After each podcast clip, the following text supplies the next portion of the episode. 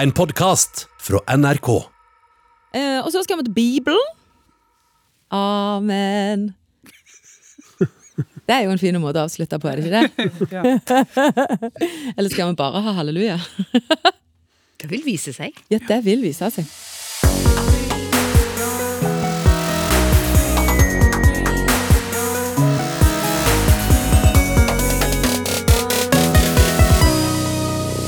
I denne utgåva av Språksnakk lurer vi på hva det er greit å kalle noen som kommer fra Polen.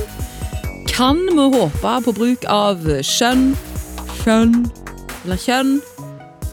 Og hvor blir det av den? Og faen. Eller faen.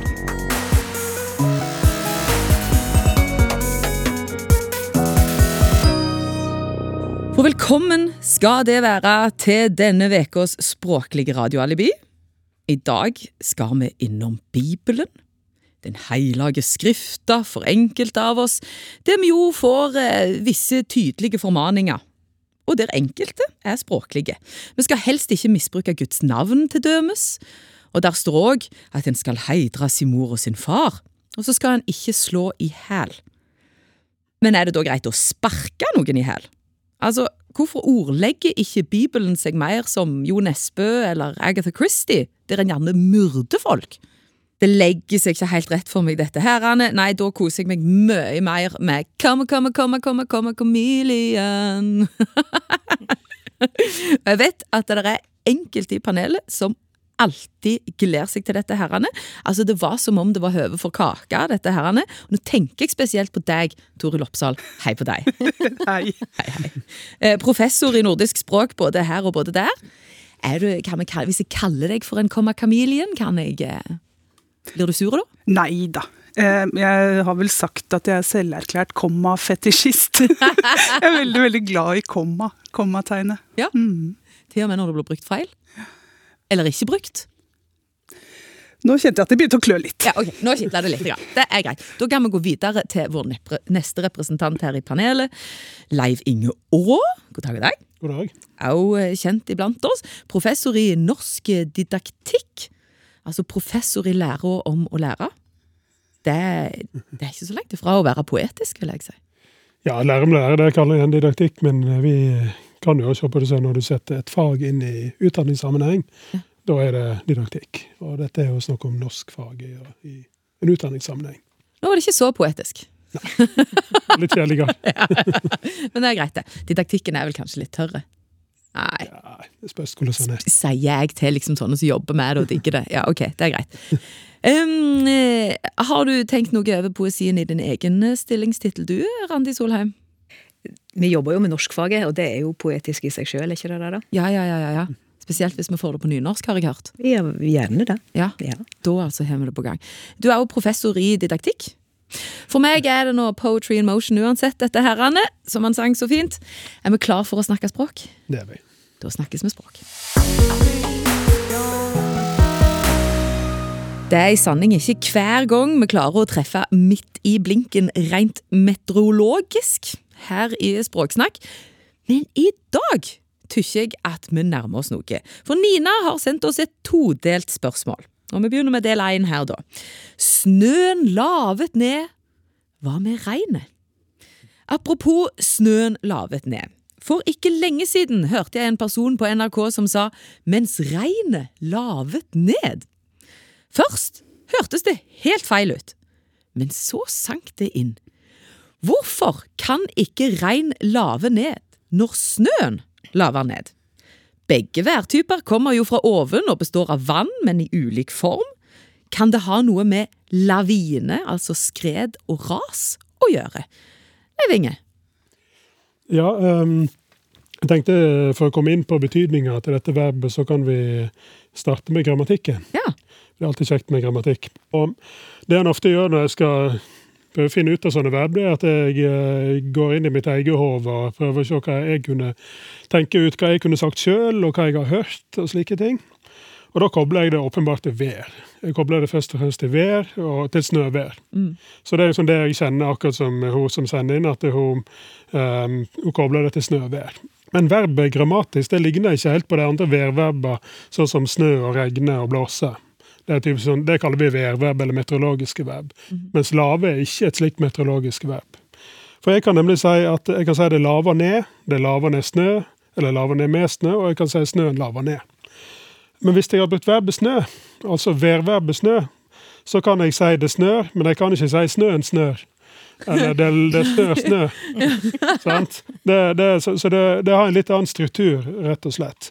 Så at eh, det vi kaller sånne verb som lave, da, det er et presenteringsweb. presenteringsverb. Jeg presenterer et eller annet som kan eh, lave, da. Det laver ned snø. Snøen blir presentert. Eh, og i dette tilfellet med ned, så kaller vi det òg et komplekst eller sammensett verb, eller et partikkelverb, når det har med ned. Vi sier ikke bare det laver snø, men det laver ned snø. Sant? Så det er både et presenteringsverb, og det er komplekst. Um, slike presenteringsverb de har ofte denne syntaktiske vekslinga. Vi kan ha snøen først. Snøen laver ned. Eller vi kan si med et sånt formelt subjekt, med det, som vi ikke legger trykk på. Vi sier ikke 'det laver ned', vi sier 'det laver ned snø'.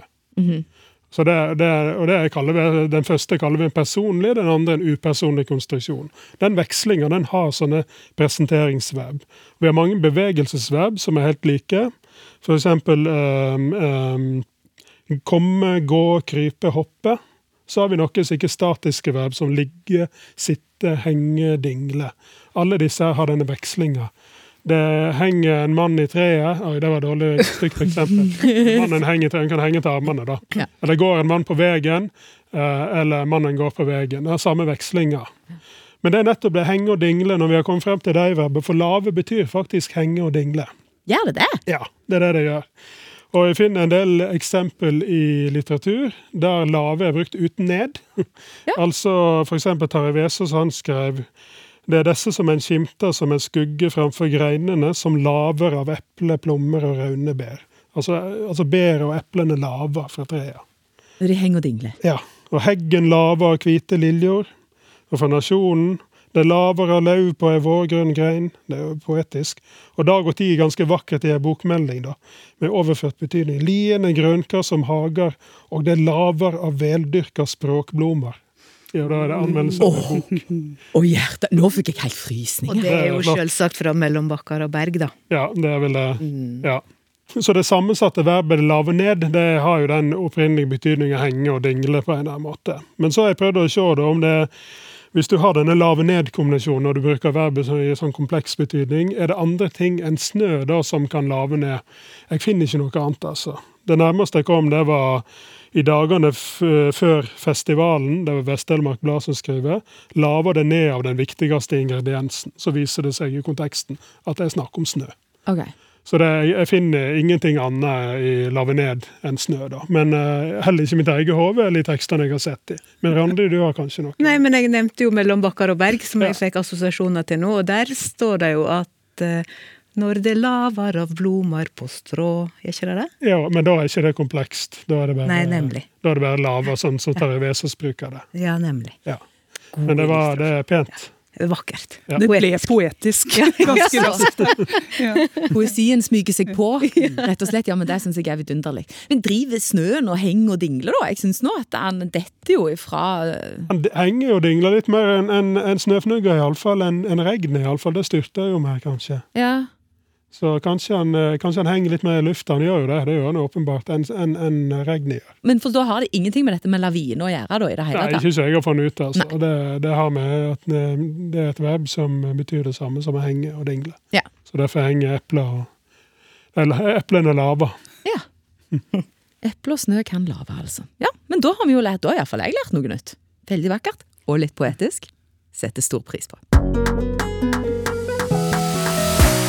Da kan vi gå videre til del to av spørsmålet til Nina her. Og det er veldig snedig med ord som jo først bare betyr en helt normale ting, men så går over til å bli nesten et skjellsuttrykk. Nina skriver her nemlig. Ordet polakk blei vanlig å bruke i forbindelse med at polske arbeidsinnvandrere kom til Norge for noen tiår siden. Nå oppfatter mange det som rasistisk å si polakk om en person fra Polen. Jeg vil gjerne bruke et annet ord, men hvilket uttrykk skal erstatte polakk? Vi sier svensker, dansker, finner, russere, pakistanere, engelskmenn, franskmenn, grekere. Men det klinger ikke så bra å si polsker, polskmenn, polar eller polare. Polare? Ja. Har Språksnakk tenkt på noe godt begrep som kan erstatte polakk? Og Toril, du jobber på et prosjekt retta mot eh, mellom andre polakker, gjør du ikke det? Jo, jeg jobber med eh, Ja. kollegaer fra Polen, kan jeg jo da si i utgangspunktet. Eh, Og vi har snakka med veldig mange polske arbeidstakere i Norge. Mange, men en god del. Dette er et godt spørsmål. Men jeg tror jeg kanskje vil spole litt tilbake, hvis det er greit, og si at i norsk så er polakk i utgangspunktet en nøytral nasjonalitetsbetegnelse. En polakk er en person fra Polen. Men det berømte mennet. Eh, det er eh, veldig mange som reagerer sånn som Nina gjør, eh, og særlig en del yngre mennesker som er litt usikre og faktisk unngår dette ordet polakk. Et aktuelt eksempel, kanskje med litt snikreklame, hva vet jeg, det er boka The Pole av den sørafrikanske nobelprisvinneren eh, J.M. mm. som nå kommer i norsk oversettelse i disse dager. Den boka heter Polakken. Eh, og der hadde, etter det jeg har kjennskap til, faktisk oversetter og forlag en liten diskusjon om denne tittelen var grei. Nettopp fordi eh, det fins folk som oppfatter polakken som nedsettende eller i hvert fall endimensjonalt beskrivende. Eh, Og som i mange andre tilfeller, så kan vi antagelig skylde litt på engelskpåvirkning her også. Eh, Særlig amerikansk eh, engelsk, der det fins et skille nettopp mellom pole som nasjonalitetsbetegnelse og polakk som et importert skjellsord. Sier de det på engelsk? Ja, ja. i noen, eh, noen sammenhenger. Eh, Og for en tre-fire år tilbake så refererte NTB til en undersøkelse også i norske skolegårder over skjellsord. Og der fant vi polakk, sammen med ganske mange andre ikke spesielt sympatiske betegnelser. Og hvis jeg skal nevne dem, så må du legge på et sånt pip. For, ja. Eh, Så dette her. Men, men hvorfor? Hva er det som gjør polakk til et skjellsord? Der må vi lete litt i innvandringshistorien. Den kan vi snakke lenge om, men her er det for det første eh, en del som forbinder kommunismens fall, sesongarbeid, bilaterale avtaler på 1990-tallet. Der begynte mange å bli kjent med polakker. Eh, og så kom Polen med i EU. i 2004. EØS-feltet åpna seg opp. Veldig mange kom. Det var stor, stort, stort behov for arbeidskraft. Særlig innenfor industri og håndverkeryrker. Eh, Så da begynte man å si oi, polsk, polakk. Nei, det må ha noe med håndverkere å gjøre. Og så har vi deg da, Hilde. Media! Hadde også, spiller også en rolle her, fordi i veldig mange framstillinger så, så, så løfter man fram stereotypiske forestillinger forestillinger som er levende den dag i dag. Og en av de første forsøksvis humoristiske framstillingene, de finner vi tilbake i 1996. Levde du da, Leiv Inge? Ja. Nei, da, da, da, da var det et eh, TV-program som het Trotto Libre. Eh, han, eh, Trond Kirkvaag hadde en karakter som het Jakob Winkelanke fra Montebello i Oslo. Eh, og han sier til dere som har polakk til naboene sine, kan dere helst be dem om, om å parkere de utrangerte bilene litt utenfor nabolaget. Eh, og så Ti år seinere, 2006, så var det en TV-serie som het Russejentene. Der skal jeg ikke skylde på NRK, eh, men der eh, hadde de av og til behov for å male bussen eller snekre noe. Og da, da falt replikken 'Det er ingen som har, har polakk for tiden', da. Altså, det er jo en ting du kan ha. Ja. Og så, i 2022, så skriver eh, Eva Sapirzinska boka 'Jeg er ikke polakken din'. Og tar et tydelig opprør gjør med dette her. Altså, Polakk er ikke noe du kan eie eller ha. Dette her er en bred kategori med mennesker med veldig mange yrker. Det er den aller største såkalte innvandrergruppa vi har i Norge. Eh, I styret på fakultetet der jeg jobber i UiO, så sitter det to polakker. Eh, Vi har polske arbeidstakere i alle typer yrker og sammenhenger og sjatteringer. Så hva kan vi kalle en fra Polen? Jeg, jeg mener vi kan kalle en person fra Polen for en polakk. Jeg tror vi skal prøve å ta tilbake den nøytralitetsbetegnelsen. Altså polakk. Men jeg må ærlig innrømme, og hvis dere spoler tilbake man gjør kanskje det på radio også, så kan dere høre at i starten så sa jeg at jeg jobba sammen med polske arbeidstakere. Eh, Vi jobber med polske talere av norsk som andrespråk. Det er en måte å omgå denne problematikken på. Du kan omformulere det, du kan lage adjektivfraser ut av det. Men det blir litt kronglete, ikke sant? Eh, Men, men vær litt årvåken, er vel mitt råd. Hør. Altså, det er fortsatt folk som reagerer, og som forbinder ordet polakk med noe nedsettende. Og også rasistisk på et nivå, som, som eh, Eva Zapesjinska, ikke sant? Så, Ja. så hør etter, se litt. Er det noen som liksom ser bekymra ut, så, så kan du vel prøve å omformulere. Ja. Men i utgangspunktet så har vi polakk som en person fra Polen i norsk. La oss prøve å holde på det. Eller er du enig, Randi? Ja, jeg syns det er veldig veldig interessant. Og så er det interessant det du sier om å ta det tilbake. For en måte å ta det tilbake på, er jo å, å bruke det nøytralt. Og på en måte refylle det med nøytral, nøytral mening.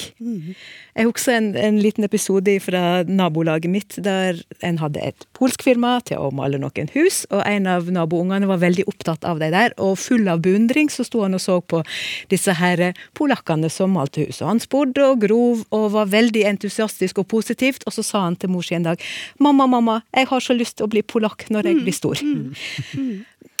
og det, er, det illustrerer det her eh, friske blikket som unger kan ha på det. At de sjøl fyller begrep med mening ut ifra sine erfaringer. Så hvis vi kunne få positive eh, erfaringer med begrepet, så kanskje vi kan, eh, kan eh, refylle det med eh, mening. Ja. Og der er det jo også mange som allerede ser eh, en sånn positiv eh, egenskap kobla til en del eh, polakker i arbeidslivet. Eh, som har Altså, det er en positiv konnotasjon knytta til veldig, veldig god, grundig, effektiv innsats.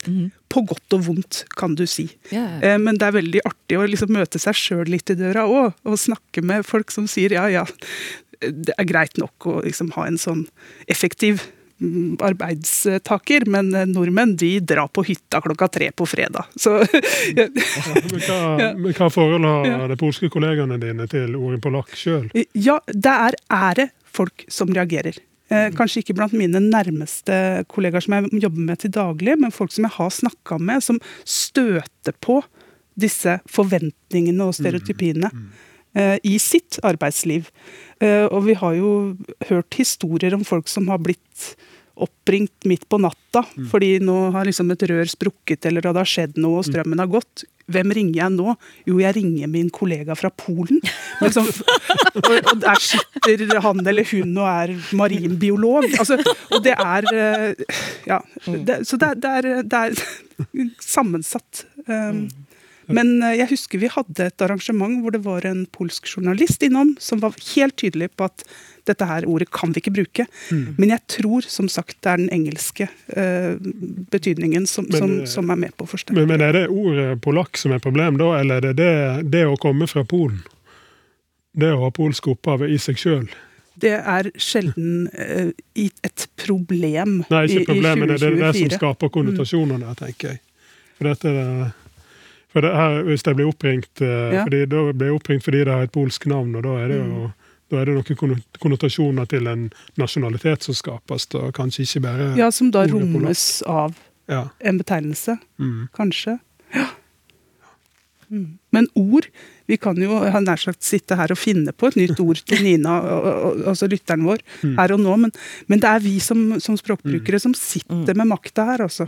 Og den syns jeg vi skal bruke på en fornuftig måte, og veldig gjerne i dialog. Særlig når vi setter merkelapper på folk.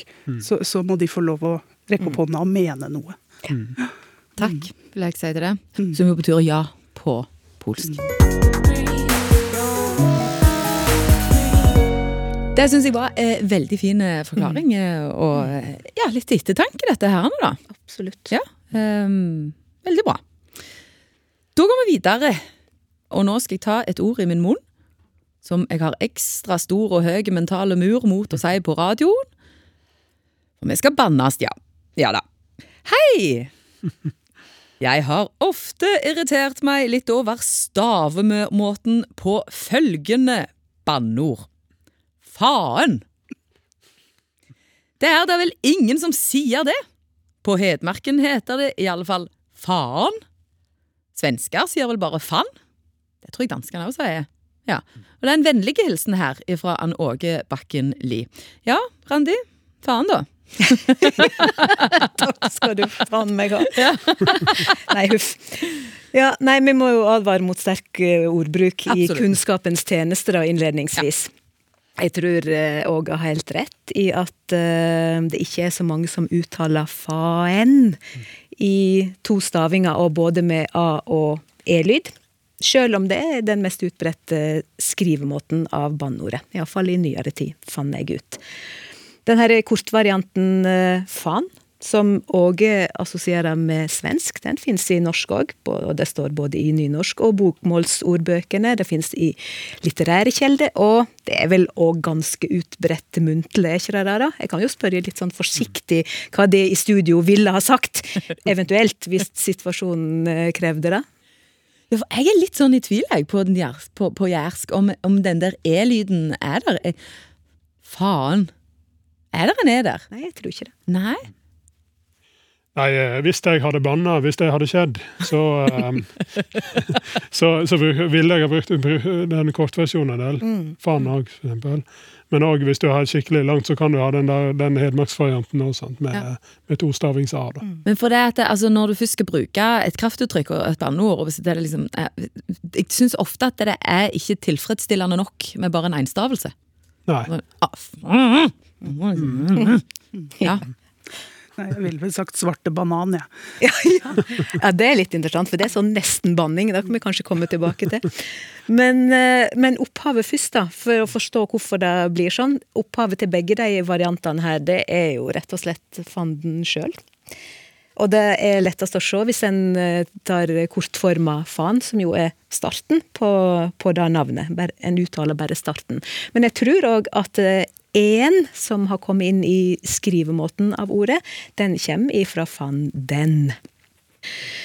Eh, og så er det litt interessant å se på bruken, fordi eh, det finnes mange artige eksempel i NAOB, som vi snakker om mange ganger i Språksnakk, Norske Akademis ordbok. De har veldig mange fine litterære eksempel, og der bruker en eh, begge variantene, og eh, selvsagt òg fanden sjøl. Jeg skal faen tørke meg skrive en kjærlighetens lovsang, skrev eh, Knut Hamsun i et av sine brev. Jeg gir faen med fett på i far, sa Johan Borgen, eller iallfall skrev han da i Lille Lord. Mange fine F-ord der. Og når fanden blir gammel, går han i kloster, skrev Arne Garborg, som vi nå har feira 100-årsjubileum for i Trette menn. Og hos Ibsen så finner vi alle variantene i bruk, både fanden og faen og faen. Og det er nok avhengig av kontekst og hvem man lar disse her eh, kraftuttrykkene i munnen på. Og, og sånn er det jo for oss òg. Eh, jeg oppfatter f.eks. en styrkeforskjell mellom faen med lang A, eller til og med to stavinger, og en kjapp faen. Og Åge har jo sjøl gjengitt det med, sånn som han uttaler det, med en lang A-lyd og, og to stavinger. Og jeg finner faktisk òg en sånn skriftlig variant hos eh, Vigdis Hjort. Det er unormert, men både i eh, livet og litteraturen så må en kunne ta seg eh, noen friheter for å få utløp for følelser. Men eh, så er det noen som ikke da vil ta verken verken eh, Guds navn eller djevelen sitt navn i eh, bruk her. Og da får vi fenomenet nesten-banning, som eh, vi var inne på. Jeg tror at grunnen til at vi får veldig mange, varianter av fanden og av Satan og djevelen, er, er nettopp det her. Og så kan en være litt kreativ og, og si fy Fabian, eller faderullan, eller fy fela. Da unngår en eh, eh, han hvis navn ikke må nevnes, som det heter så fint i blir eh, påkalle Satan sjøl. Ja, eller å påkalle Satan sjøl, ja. Eh, men det er en annen historie. Der har du det. Ja, min, min yndling er fanden gale. Ja, Fanden gale. Den, Ja. den ja. Du bruker fanden, men det er liksom ikke like stygt som faen. Nei, for det er ikke banning lenger da, er det det? Nei, det, nei, et, Hellarten og fadosten og alt dette her. Nei. nei, nei det, er, det er helt trygt. Fadosten den syns jeg Ja, kanskje all- at vi burde ta litt mer tilbake. Den syns jeg har gått litt langt vekk. Det er helt trygt. Du inntar en rolle som prest her nå. Ja. Ja, Igjen. igjen, Det er full korrupsjon. igjen, det er vel eh, kontekstavhengig eh, i de fleste sammenhenger, ja. Mm. Jeg har faktisk begynt å bruke litt engelsk. Jeg, jeg bruker en del, eh, sier faktisk 'bloody hell' her oppe. Jeg har begynt å bruke det litt spontant Ja. Og såpass mye at eh, apropos å trakke på ting, jeg trakker en del på legoklosser hjemme. da. Og det kan være vondt. da. Og så har da den ene dattera mi brodert et bilde der og limt på masse legoklosser, og så har hun brodert 'bloody hell'. Og det, så det Så nå eh, fikk jeg den i fleisen. Ja, det Jeg må bite deg, vet du. Det, legger. Da kan, vi, da kan vi legge banninga fra oss for denne gang, kan vi ikke det? Ja, ja, ok. Så nå skal vi til det påpekende pronomenet. For Anne Bolstad har skrevet inn til snakk.krøllalfa.nrk.no. Det kan du òg veldig, veldig gjerne gjøre. Um, hva kommer det av at det påpekende pronomenet 'den' utelates mer og mer av journalister. Det skrives for eksempel 'på den siden av veien' eller 'fjorden' osv. Jeg ville ha skrevet 'på den andre siden av veien'. Er noe skjedd i norsk språk som har gått meg hus forbi? Med vennlig hilsen Anne Bolstad. Hva kan du si til henne Anne? Altså, har hun, har hun, har hun ikke fulgt meg i timen? Jo, det, det tror jeg jo har, men eh, det som eh, Det er ikke noe nytt, dette her. Så det, det, det er ikke mer dramatisk her enn at journalistene skriver med helt vanlig norsk syntaks når de dropper den. Um, hvis jeg har det konkrete uttrykket 'på andre sida' versus 'på den andre sida', uh, så er det helt vanlig å skrive både med og uten 'den' i det uttrykket der. Uh, Både da i romlig betydning, f.eks. på andre sida av elva, eller i ikke-romlig betydning på andre sida av saka. På ene sida er det sånn, på andre sida er det sånn. Ja, Så det, det er ikke nytt. Det er jo, han er, I nynorsk har du mange eksempel. Firda for 20 år siden, bensinstasjonen på andre sida av veien. Og både, jeg har funnet masse eksempel både fra levende og døde forfattere. Både Fløgstad, Hoem, Vesås osv. På andre sida av elva, veien, vannet osv. Det, er det florerer da i nynorsk. Men så er det jo litt spennende. Er det like utbredt i bokmål å droppe den? Og det er nok ikke like utbredt. Da er nok, der har jeg søkt litt systematisk. Jeg har søkt både på den andre sida, på den andre siden og på den andre side i ubestemt form. Eller der substantiv og ubestemt form. Og da, det, da dominerer det klart med eh, eh, å ha med den. Men det er òg ganske vanlig å droppe den også i bokmål. Eh, Men det er vanligere med den, altså. Sånn at det, det å kanskje reagere på, det er vel at det, at jeg har begynt å se en del tilfeller av det i bokmål òg, selv om det da dominerer med den i bokmål. Så kan jeg begynne å lure på hvorfor det er sånn. I hvert fall i talemål så er det veldig vanlig å droppe den. Jeg, kunne, jeg, tror nesten ikke jeg kunne sagt det med den i sånne Jeg kunne sagt det, men jeg sier det nesten aldri med den i slike sammenhenger. Jeg bruker heller ikke andre, men jeg bruker hi, he hin, hi og hit. Altså for den andre. Så jeg ville sagt på hi side av vatnet. Og jeg ville aldri sagt på den hi side av vannet. Eller sagt, eh, og jeg ville også sagt på ene sida saka, på hi sida er det sånn. Så jeg, så, og da bruker jeg konsekvent uten den. Men så er det jo vanlig at vi i eh, For vi trenger jo egentlig ikke den heller. Det, den gir jo litt sånn overflødig informasjon. Fordi at eh, andre, det er jo bestemt form av annen. sant? Så når vi, hvis jeg sier 'på andre side av vannet', så er det én av to sider. Hvis jeg sier 'på ei anna side av vannet', da kan det være flere sider av vannet. Så det bare det at jeg har sagt 'andre' i bestemt form, det er allerede snevrer inn ganske mye. Sikkert at den er ikke vits å ha med, da. Men vi har det ofte med likevel. Vi sier um, I bokmål er det òg mye sånn 'på den annen side'. Mm -hmm. altså, og Da har vi det i ubestemt form av, eh, av substantivet, og det kaller vi enkeltbestemthet. Mens eh, det er vanligere da kanskje med dobbeltbestemthet hos, i hvert fall i talemål, på den andre sida, ikke side. Hvis vi ser dette i en eh, skandinavisk sammenheng, så er det jo helt vanlig på svensk å droppe det, denne der. sant? Der sier det 'å ena siden' og 'andre siden'. Og det, Hvis du leser svenske nettavis i skisesongen, så står det 'norska hånet'. Det står ikke 'det norska hånet'. Det, det, så de dropper jo ofte den eh, litt i det. Mens i dansk, da er det den eh, til stede eh, ja, eh, kanskje, Jeg har ikke sjekket om det hele tiden, men da, er det, da sier- vil du si 'på den anden side'. Eller skrive det, da. Uttaler på norsk. Så, da, så den der enkeltbestemtheten med den, det kommer jo rett fra dansk. Og da er det jo sånn med norsk, som i mange andre sammenhenger i syntaks, det har ofte en sånn mellomposisjon mellom Vi ligger kanskje nærere svensk i, eh, i mye, i hvert fall i det såkalte folkelige målet og i nynorsk. Men så har vi adoptert mye dansk syntaks, ikke bare i bokmål, men òg i nynorsk. da.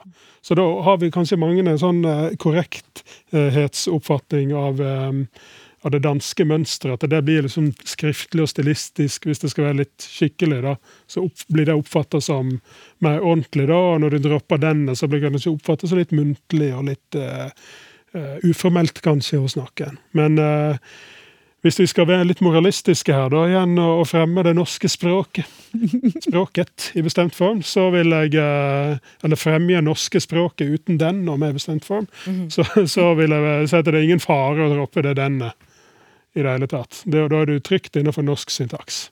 Det er altså ingen som dauer om vi dropper den av og til, altså. Den satt! ja. Ja, oi,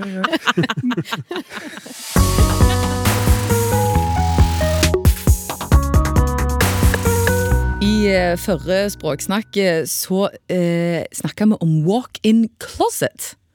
Og spasergarderobe ble eh, dratt fram som en mulig måte å bruke dette herrende ordet på. Som, altså walk-in closet, det er jo virkelig engelsk. Og dere renner inn med svar fra kloke folk som har sine tanker rundt dette herne.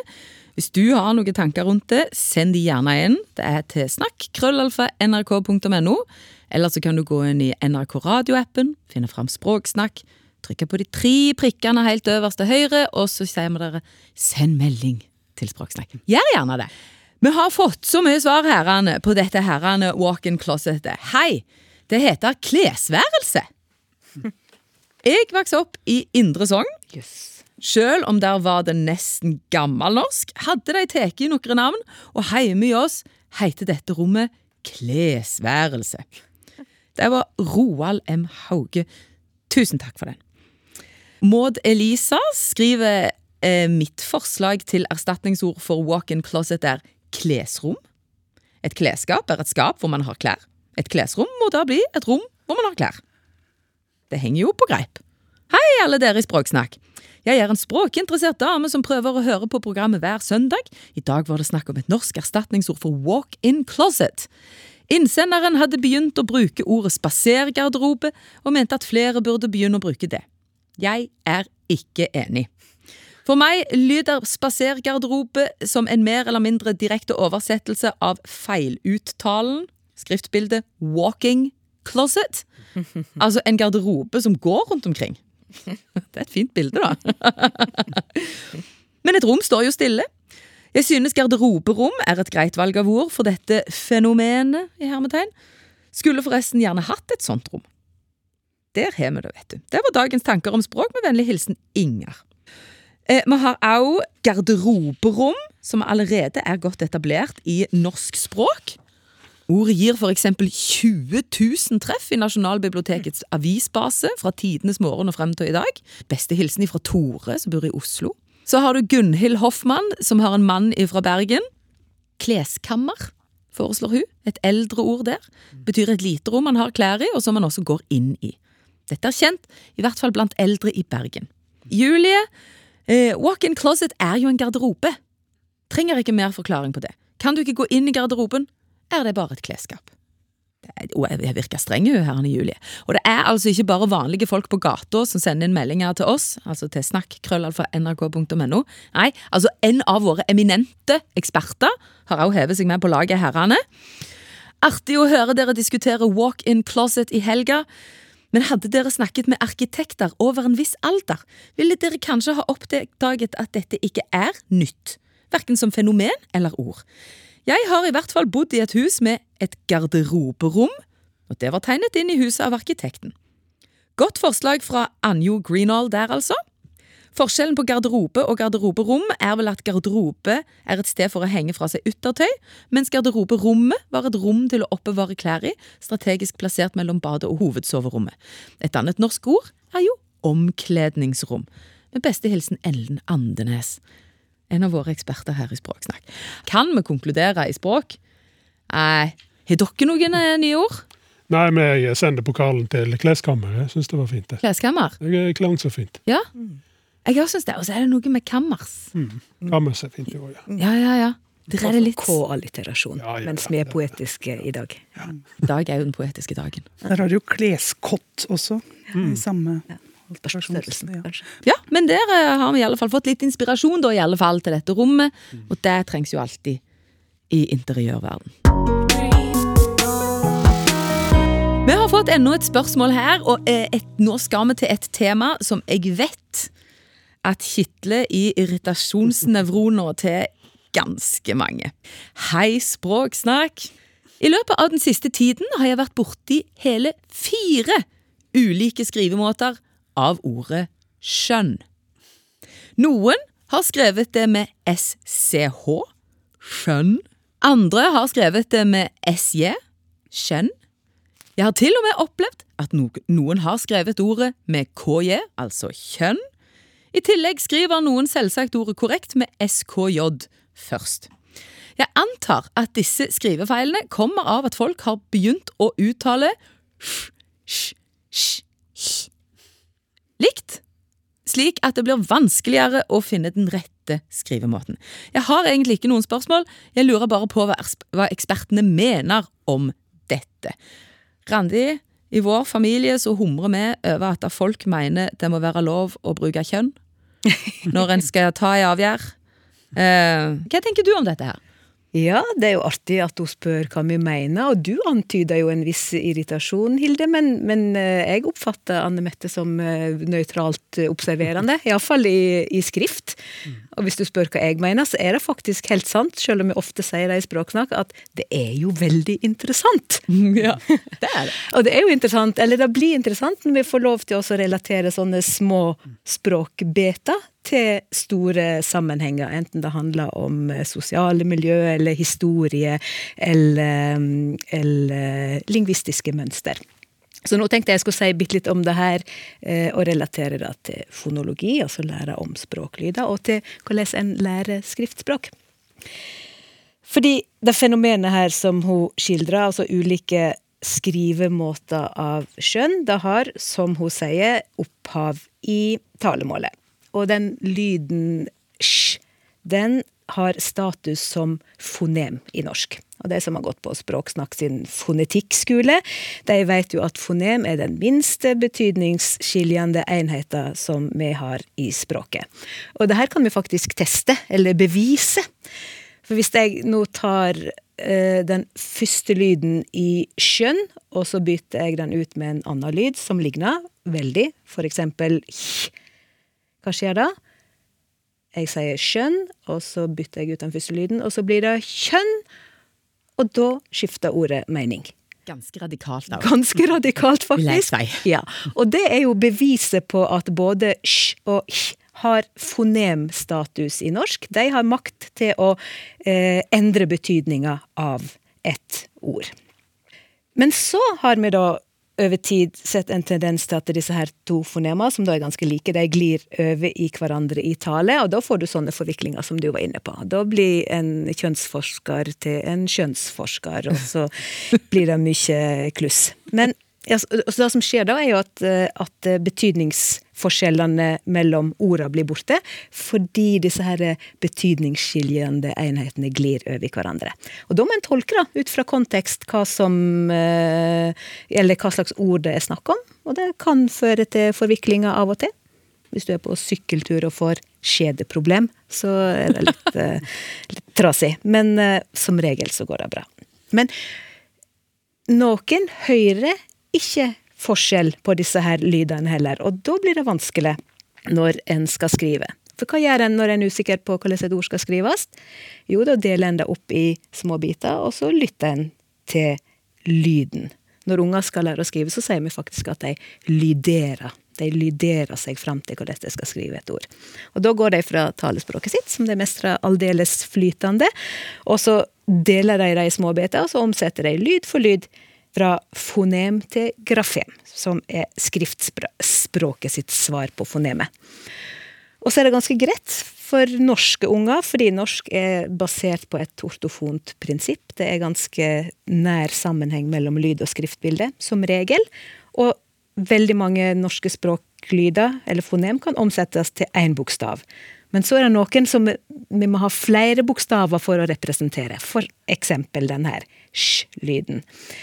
Um, og så blir det enda vanskeligere, fordi denne lyden har mange måter å bli representert på i skrift avhengig av ordet sitt, opptak, eh, sitt opphav. Vi har for eksempel eh, J i journalist. Mm. Vi kan flotte oss med fransk champagne, for eksempel.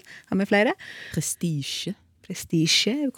Ja, inni et ord så kan du få G. Mm. Du kan òg ha giro, faktisk. Ja, ja, ja. Mm.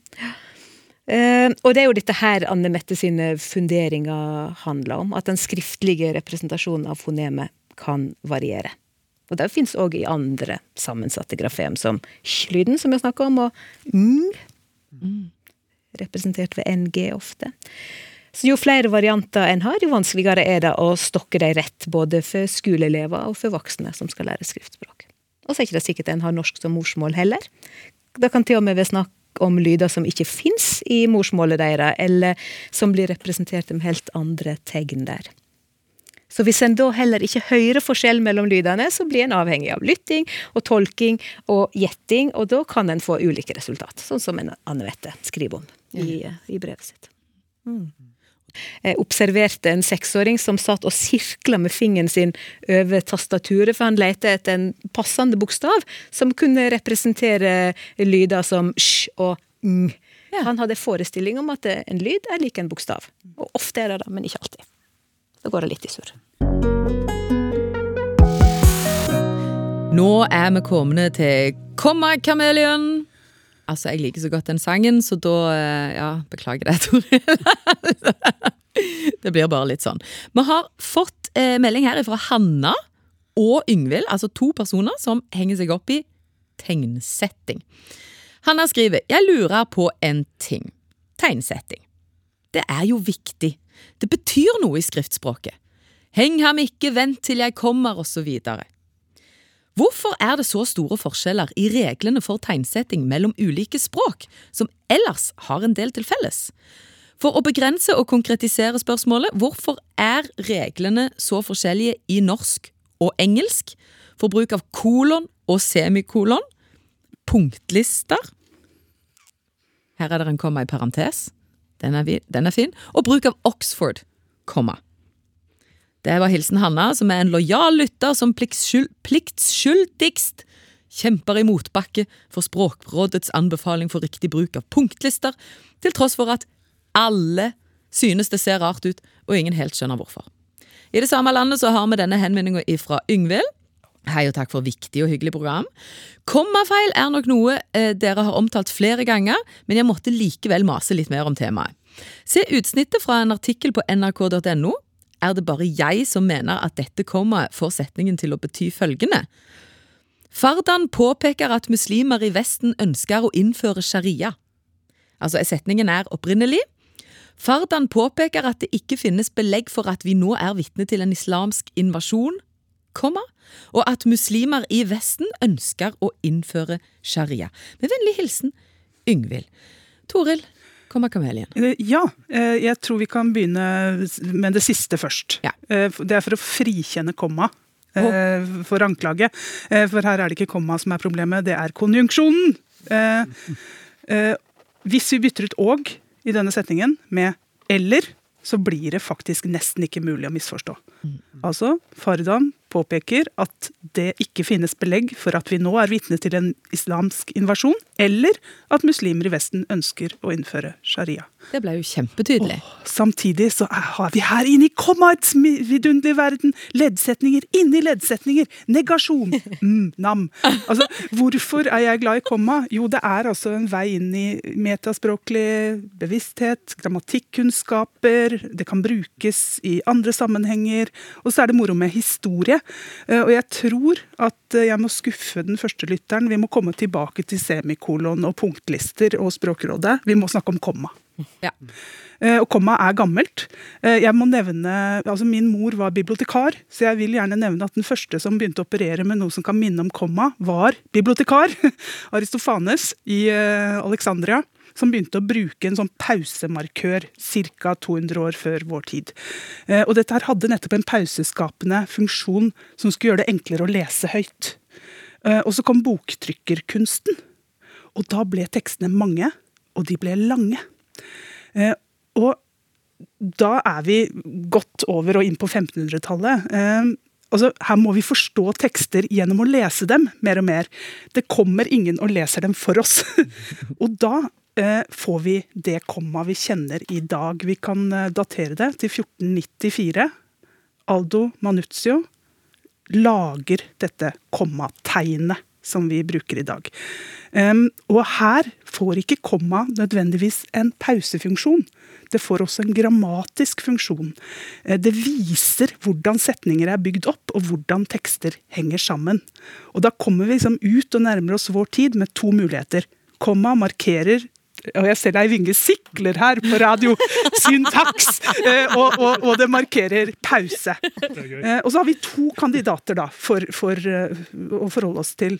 Og i Norge så hadde vi ikke så veldig my mye behov for et pausekomma når vi drev og rissa runer inn på pinner. Altså de ble ikke, Noen nydelige lange tekster er det, men, men vi trenger ikke hjelp til å lese. Men øh, kanskje vi kunne trenge komma litt nærmere vår tid. Da-da-da-da, hva skjer da? Dansk styre. Og hva er det danskene er glad i? Grammatisk komma. Eh, og det smitta over også på, på oss eh, når vi skrev i Norge og på norsk. Eh, så vi er liksom hele tiden, så blir vi dratt mellom to typer kommatering på norsk og i Norge. Og denne grammatiske kommaen, hva er det? da? Ja, den markerer f.eks. et setningsledd, eller en leddsetning, ikke minst. Og så kan du begynne å lete etter finitte verb eh, for å kunne tegne opp og skissere hvordan en setning er bygget opp. Kanskje det er flere setninger inni denne lange perioden. Her kan komma hjelpe oss. Ja.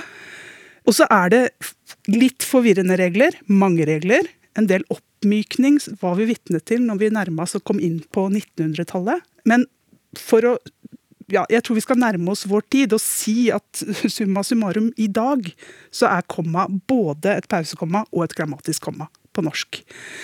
Og det er ikke så Det gjør at det ikke alltid er like lett å sette komma. Um, etter veldig lange eh, infinitivsfraser, f.eks., så setter mange et komma. Der vil de ha en pause. Eh, Å gå gjennom dette studio på jakt etter et glass vann eh, mellom klokka fire og fem, komma, er litt slitsomt. Ja. Mm. Men ville dere reagere på det komma der? Nei. Nei. Godt Ja, ment. du fjerner det hvis Ja, jeg hadde nemlig! Hei, Oh. En pauselause. ja, Ja. nei, men, eh, Altså, ja, vi- vi må kanskje svare på lytterens spørsmål her. Hvorfor er det forskjellig? altså, og Det handler jo om at dette er normer. Eh, Altså, det, normer er noe vi forhandler fram i et fellesskap. Og noen fellesskap er små og nære. Og her, nå satt vi nettopp her og diskuterte et komma. Eh, Jeg tror ikke vi blir helt enige, men vi kunne blitt det. Og så kan vi utvide dette fellesskapet til en skriftkultur som er den norske og den eh, nordiske, og, og det å få hele verden med ulike tekstkulturer og skriftkulturer og skriftsystemer til å enes om hvor komma skal stå, det får vi ikke til. Eller kanskje det er et sånt håp der framme. Eh, Men internasjonalt så er det særlig Oxford-komma. Som, som skaper debatt. Det nevnte jo? Hva er det for noe?! eh, jo, altså, det er et komma som blir foretrukket av noen forlag, bl.a. Harvard eh, University Press, og hva tror dere? Oxford, nemlig.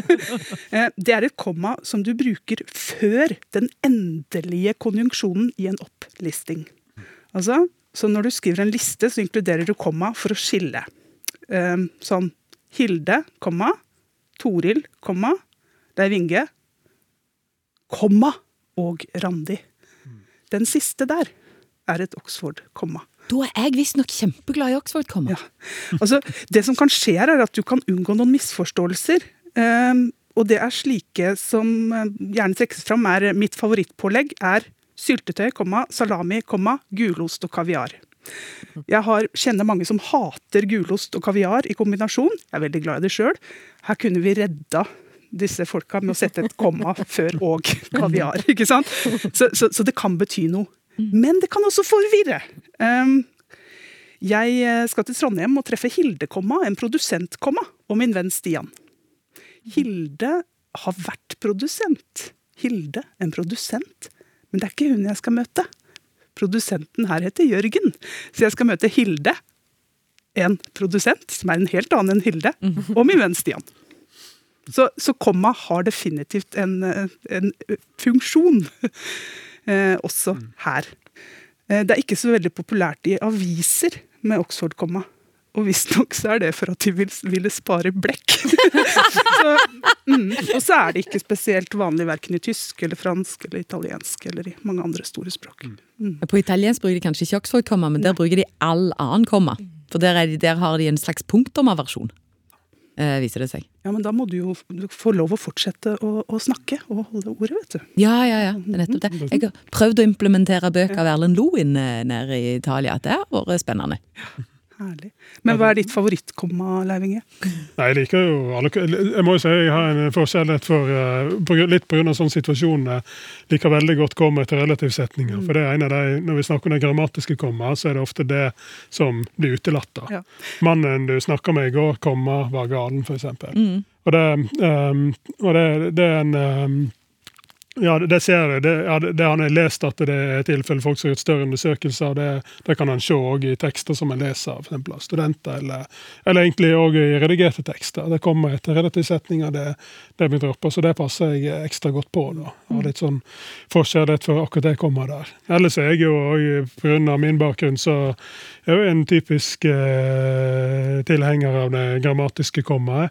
Og på våre arbeidsplasser så er det jo ofte folk som jobber med språk eller litteratur, så vi er der i to Jeg har fått disse folk, litterater som har dosert om dette pausekommaet.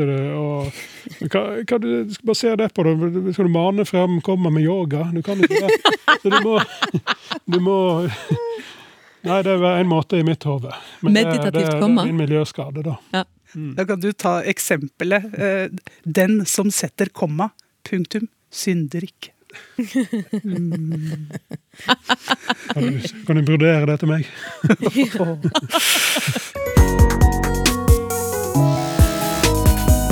Før vi går inn i broderinga, så kan vi jo holde oss litt bibelsk, da. For vi har et uh, siste spørsmål her.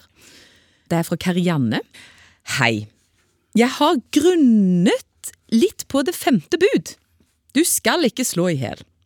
Burde det ikke heller hett du skal ikke drepe på norsk. Jeg har sett på en del danske TV-serier og filmer, og der bruker de uttrykket å slå i hjel om alle måter å drepe på. Kvele, drukne, skyte, kjøre på med bil etc. Mens på norsk betyr det jo kun å, ja, faktisk slå til noen dør. Det virker som den norske bibeloversettelsen henger igjen i den danske formuleringen her, selv etter årevis med fornorsking. Den engelske og franske oversettelsen bruker verbene murder og tuer, tuer, som begge vil oversettes med drepe eller myrde på norsk. Altså ikke slå i hjel. Hva mener dere? Hva mener du, Tore? Mm, jeg eh, tenkte at her mener jeg noe, men jeg, men jeg, vil gjerne vite noe. Og så slo det meg at jeg kan ikke hebraisk. eh, og det er, det er, liksom øyeblikket hvor du finner ut at jeg kjenner eh, flere som kan hebraisk, og også to som har jobba en del med bibeloversettelse. Så da tok jeg kontakt, eh, både med Anders Askim og Julian Kirkeby Lysvik. Og, og begge syntes dette var et strålende spørsmål. Eh, og kortversjonen er at det fins mange verb med drepebetydning på hebraisk. Eh, og det som er viktig, svarte Julian, i den norske slå i hjel, det er å få fram at dette verbet handler om ansvar. Altså, i De ti bud så handler det eh, altså det handler ikke om å ta liv i kamp eller i selvforsvar eller selvmord, for å være litt alvorlig. Dette her eh, handler ikke om alle typer drap, men drap du selv står ansvarlig for på et eller annet nivå. Så det er en liten, eh, liten nyanse her i, i betydning som, som, det i hvert fall er en idé å få fram gjennom å bruke 'slå i hjel'-frasen. Og så er jeg ikke helt sikker på om den alltid er så konkret på norsk som lytteren vår vil ha det til. Altså slår man noen i hjel med, med en klubbe? Eller kan man også slå i hjel på mer overførte og mindre, mindre spesialiserte måter? Uh, vi slår i hjel tid. Mm. Uten øks, for å si det sånn. Uh, og så tror jeg nok at selv om du har ansvar, så, så går det antagelig bra i perleporten om du er uheldig og rygger over et pinnsvin. Altså, det er, det er nyanser uh, her. Um, men slå i hjel som sådan, etymologien der er jo gammel. Altså, det er hel som dødsrike uh, som er uh, utgangspunktet. Så her dytter du altså noen gjennom preposisjonsfrasen ned i dødsriket.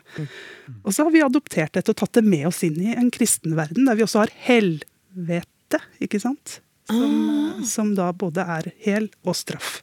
Men skal du da, skal, mm. skal du da skrive eh, 'å slå i hæl', eller? Mm. For jeg hadde jo skrevet 'i hjel'. Ja, jeg anbefaler to ord, jeg. Eh, for dette er en uh, preposisjonsfrase. Ja. Mm. I nynorsk skal vi på he, slå i hæl uten je. Uten je. Ja. Mm. Men det var morsomt at du nevnte Agatha Christie her, Hilde. Det er en av mine favoritter òg. Så tenkte jeg at danskene kan jo ikke alltid slå i hjel, de kan også drepe. Så da sjekka jeg oversettelsen av en av mine Agatha Christie-favoritter, uh, The Secret of Chimneys. Mm. Den har jo den norske tittelen 'Brevet som drepte'. Og det heter den også på dansk. Ja, men altså, da har jo jeg òg lært noe, men jeg visste jammen ikke at vi skulle helt til hæl, altså, dere. Det var, det var langt. Men der eh, har vi vært gjennom alle de spørsmålene vi hadde tid til i dag. Eh, vi har eh, flere liggende på luringa, altså, så det blir nok språksnakk neste uke òg. Nå gjenstår det bare å takke for oss. De klokeste til stas i dag det har vært Toril Oppsal, Leiving Aa og Randi Solheim. Tekniker Martin Våge. Lunheten sjøl, produsent Jørgen Aune Hagen. Og mitt navn er Hilde Sahl. Snakkes!